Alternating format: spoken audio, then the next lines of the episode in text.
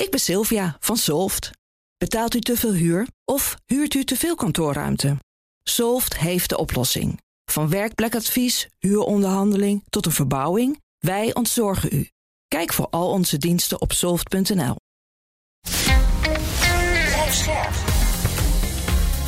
BNR Nieuwsradio. Boekenstein en de Wijk. Hugo Reitsma. Welkom bij Boekenstein en de Wijk. Het is maandag dag 558 van de oorlog in Oekraïne. Rob, kan ik bij jou beginnen? Ja, nou, we hebben het al een tijdje niet meer gedaan. Uh, laat ik nou maar gewoon weer eens van oost naar, uh, naar west gaan uh, redeneren. Beginnen we helemaal bovenin het bezette gebied in het oosten, dus in de buurt van uh, Kupiansk. Russen weinig vorderingen, eigenlijk niks. Ik denk dat ze totaal de afgelopen maanden pakweg een ruim 90 vierkante kilometer over een hele lange, smalle strook, bijna niet te zien op de kaart, hebben, uh, hebben uh, veroverd, maar geen, echte, geen echte vorderingen. Dan gaan we een klein beetje verder naar het, uh, naar het zuiden toe. dan kom je in, bij Crimina uit. Dat is dan, laten we zeggen, het, het punt waarvan je kunt aannemen dat je van daaruit naar Sloviansk zou kunnen doorpersen. nou, dat is, daar zit ook geen vordering op, op dit ogenblik in voor, voor de Russen. Ga je nog iets verder, kom je bij Bakmoed uit. Kunnen we dat nog uh, ons herinneren, Bakmoed? Hoe lang hebben we daar nou, jongens, hoe lang hebben we daarover gesproken, over Bakmoed? Maandenlang. Maanden. En uh, toen waren er allemaal voorspellingen dat er enorme dingen gingen gebeuren, maar je hoort er niets meer van.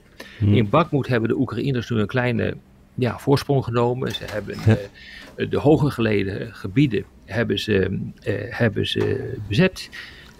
en toen kwam de boel tot staan. En op dit ogenblik gaat het redelijk, maar het gaat uh, wel met uh, honderden meters uh, tegelijkertijd. En dus op de kaart is het bijna niet te zien. Hm. ik zeg dit omdat wat er verder naar beneden gebeurt, um, waar op dit ogenblik absoluut um, de aandacht aan wordt op wordt gericht, namelijk de grote doorbraak die er zou zijn in de Zaporizhia-oblast. Dat is ongeveer ja. hetzelfde beeld.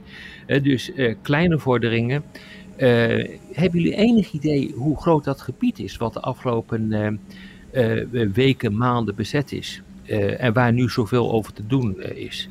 Heb je enig idee? Iets van 20 vierkante kilometer. Ja, 26 vierkante kilometer, uh, Jan. En dat betekent dus, als je dus kijkt naar dat hele gebied in het zuiden, uh, Zaporizhia Oblast, en dan ga je in de richting van Gerson, dat is 45.000 vierkante kilometer. Dat is ongeveer net zo groot als Nederland. Ja, dus je hebt een, een, een, een paar dorpen heb je veroverd. En dan heb je nog wel even te gaan. Ik, ik wil het niet bagatelliseren wat, daarin, uh, wat daar gebeurt. Ik zag uh, Frans Ozinga langskomen in, in Nieuwsuur. Ik was het volstrekt met, met hem eens. Want het ging daar natuurlijk ook over de discussie van hoe groot is deze doorbraak. Hij zei, ho mevrouw, het is een doorbraakje. Helemaal mee eens. Daarmee bagatelliseren we volstrekt niet wat daar gebeurt. Want ze zijn inderdaad, die uh, Oekraïners, door een verdedigingslinie heen gebroken. Mm -hmm. De Oekraïners zeggen zelf, dit is de eerste uh, linie waar we nu doorheen zijn gebroken. En we verwachten dat uh, de volgende linie veel minder goed verdedigd zal worden. Je ja. ziet dat er, waar we het eerder over hebben gehad, eigenlijk geitenpaadjes zijn gecreëerd door die mijnenvelden heen. Dat is ook precies de bedoeling van die mijnenvelden volgens de Russische doctrine. Want uh, je moet de tegenstander in staat laten stellen om smalle doorgangen te creëren door die mijnenvelden. Dan moeten ze hun troepen concentreren. En dan zie je dus dat die troepen heel erg kwetsbaar kunnen worden. Ja. die mijnenvelden liggen er nog steeds. Die zijn, een aantal van die mijnenvelden die zijn opgeruimd eigenlijk midden in de nacht. Uh, omdat er anders uh, niet geruimd kan worden en die militairen die dat moeten doen veel te kwetsbaar uh, worden. Interessant is te zien dat de Russen dan eigenlijk, laten we zeggen, brandbaar materiaal over die mijnenvelden uit hebben gestrooid en die aansteken met granaten die vanuit drones worden gewerp, geworpen. Zo. Dus dat betekent dat dus s'nachts ja, het, ook dat gebied weer verlicht wordt. Dus ja, dat is gewoon, gewoon geen fijne situatie. En wat het belangrijkste teken uh, dat er nu echt wat aan de hand is, is dat uh, de Oekraïners nu gebruik kunnen maken van wat tanks en wat panzerwagens.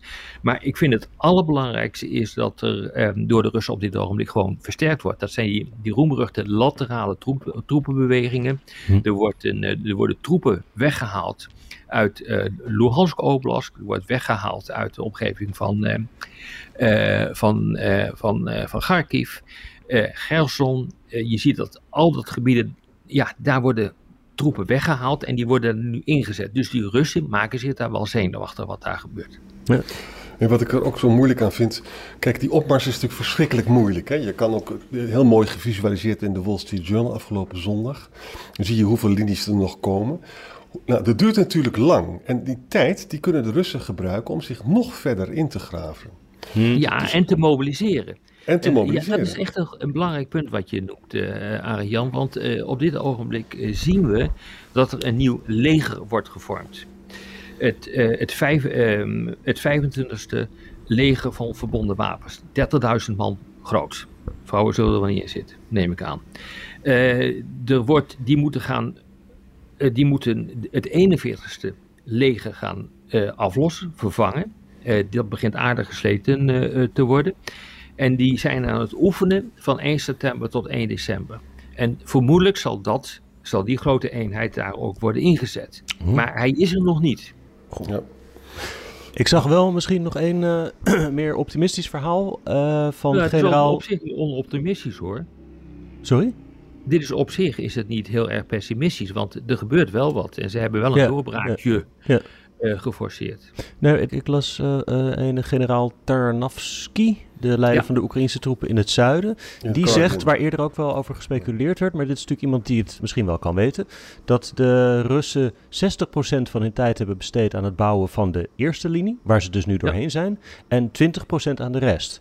Dus dat die rest makkelijker moet zijn. Ja, maar dat, dat betekent dus niet dat het dus daadwerkelijk ook makkelijker gaat worden. Want als je dus de analyses bekijkt van wat er aan de hand is, dan is het inderdaad zo dat die eerste linies qua fortificaties en qua mijnenvelden kennelijk het sterkste zijn. Maar daarachter eh, krijg je te maken met, de Russische, eh, met het Russische leger. En met die laterale troepenbeweging. Want die mm -hmm. laterale troepenbeweging gaat natuurlijk niet door de eigen mijnenvelden heen. He, die zitten daarachter. Nee. Dus um, um, wat ik dus ook zie, dat is een interessant um, interview hoor, wat die generaal heeft gegeven. Die zegt ook daarbij nog twee dingen. Ja, dit. Maar hij zegt ook, ja, we krijgen daarachter krijgen we te maken met, die, eh, die Russische, met dat Russische leger. En we weten niet hoe dat gaat lopen. Uh, en hij zegt, en dat is ook wel betekenisvol, we verliezen op dit ogenblik wel onze beste mensen. Ja. Ja. En jongens, eh, de Russen hebben natuurlijk ook nog tijd hè, om dat gewoon te versterken. Ja. Dat, dat gaat elke dag door. Ja. Dus dat is wel een. Uh, maar goed, ik, ik begon net even met, uh, met de bakmoed. dus reken je niet rijk. Ik bedoel, het, het kan gebeuren, maar relativeer ook wat daar gebeurt. En wat mij betreft, ik bedoel, ik hoop dat die Oekraïners dat voor elkaar krijgen. En echt een doorbraak weten te forceren in de richting van Tokmak. Want uh, daarmee is overigens oorlog nog steeds niet uh, ten einde. Maar dat zou echt wel een geweldig succes zijn. Het kan, maar het hoeft niet. Ja. ja. Um, vanuit Rusland weer aanvallen met drones op de Oekraïnse Donauhavens hè, dit weekend. Ja. Ismail, tweede aanval in 48 uur, duurde drie uur lang. Uh, meer dan 24 drones, er zijn er 17 van neergehaald. Uh, een aantal van die opslag, uh, graanopslagplaatsen in de fik. Ehm, twee gewonden. Toen gebeurde er vervolgens dat voor morgen vroeg zei Oekraïne Roemenië is geraakt. Ja. Ze hebben de, Roemenen ontkennen dat in alle toonaarden. Die zijn natuurlijk doodsbang voor, voor oorlog. Hè? Ja. Dus een beetje onverstandig wel dat Oekraïne dat doet als, als het niet waar zou zijn. Hè? Hmm. Maar ook doet dat natuurlijk omdat ze heel graag uh, het willen verspreiden, denk ik. Ja. De, dus dat is heel, daar moeten ze mee oppassen, want dat vinden de Roemenen natuurlijk helemaal niet leuk. Hè? Hm. En verder, dit, is, dit gaat dus over de Russische aanvallen op de Donau. Hè?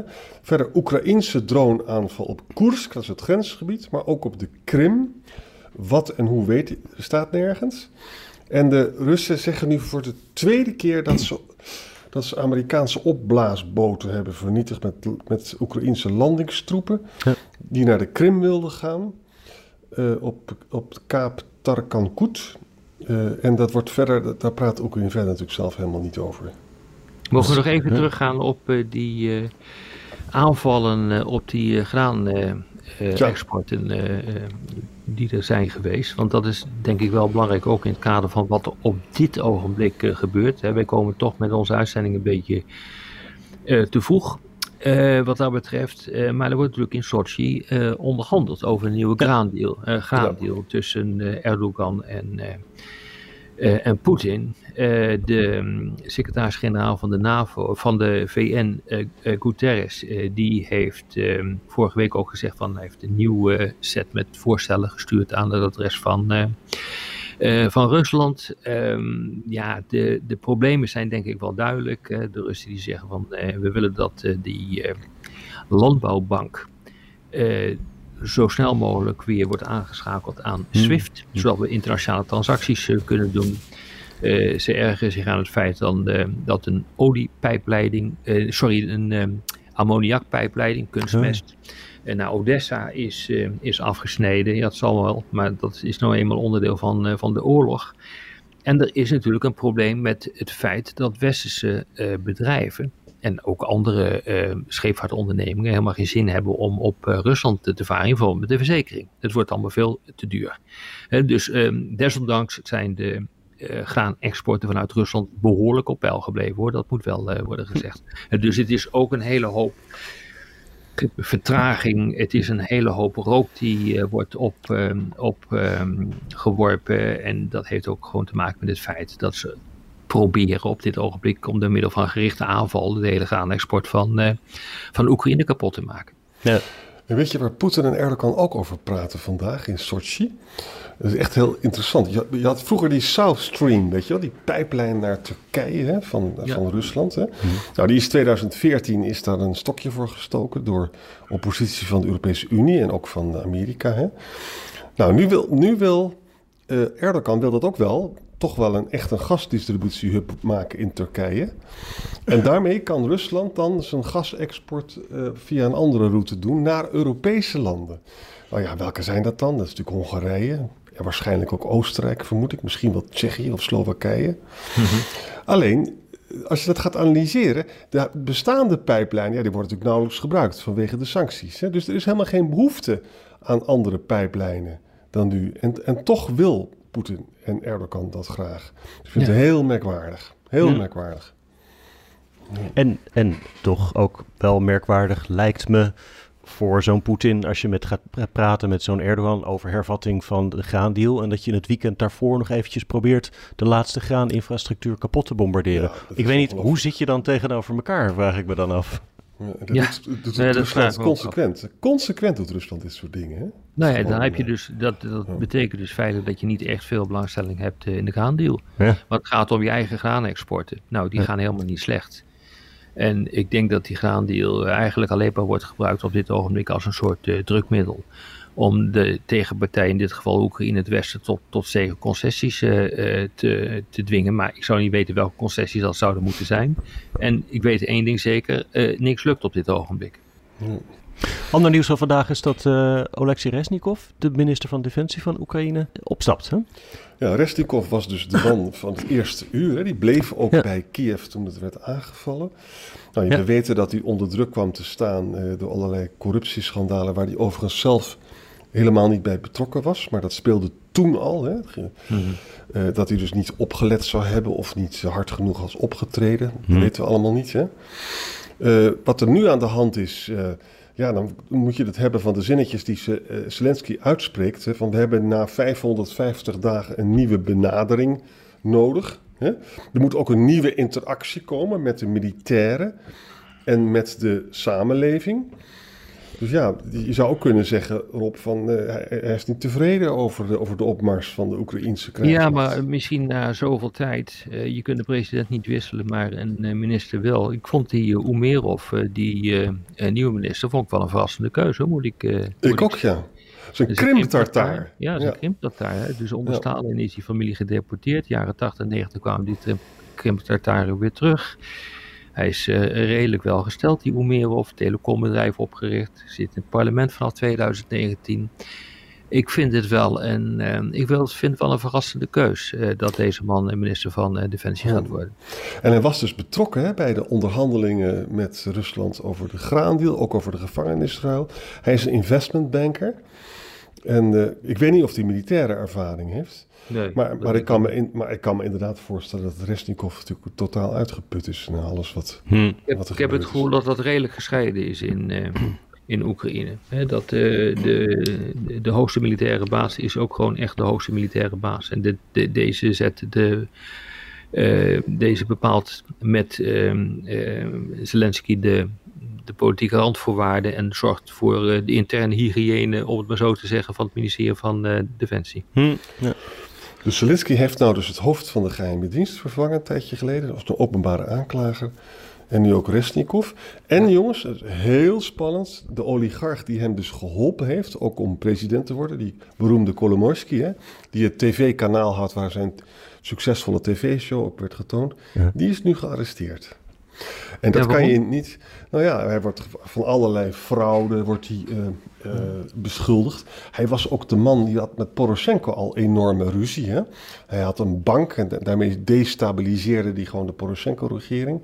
Die bank is hem afgepakt. Toen is hij naar Israël gevlucht. Uh, en hij kwam weer terug toen uh, Zelensky aan de macht kwam. En daar werd hij, weet je nog, en daar werd hij heel erg op bekritiseerd. Hè? De Kolomorski was, uh, daar vonden mensen maar niks. Nou, nu is hij gearresteerd. En ik denk dat dat ook alles te maken heeft met het EU-lidmaatschap wat ja. Oekraïne graag wil hebben. Hm. Ja, en waarschijnlijk nu ook. Ze krijgen natuurlijk nu ook heel veel geld, financiële steun en wapens. En dan moet je het waarschijnlijk ook tegen je donorlanden wel kunnen aantonen dat dat niet allemaal wordt gejat door ja. allerlei corrupte boeven. Ja, zeker. zeker.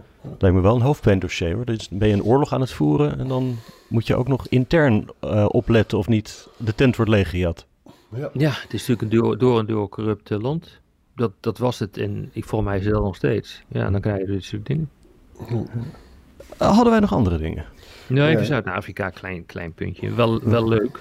Je weet dat uh, in december vorig jaar is er een beschuldiging geweest door de Amerikanen dat een Russisch schip, de Lady R, uh, volgestouwd zou worden met uh, uh, wapens door Zuid-Afrika.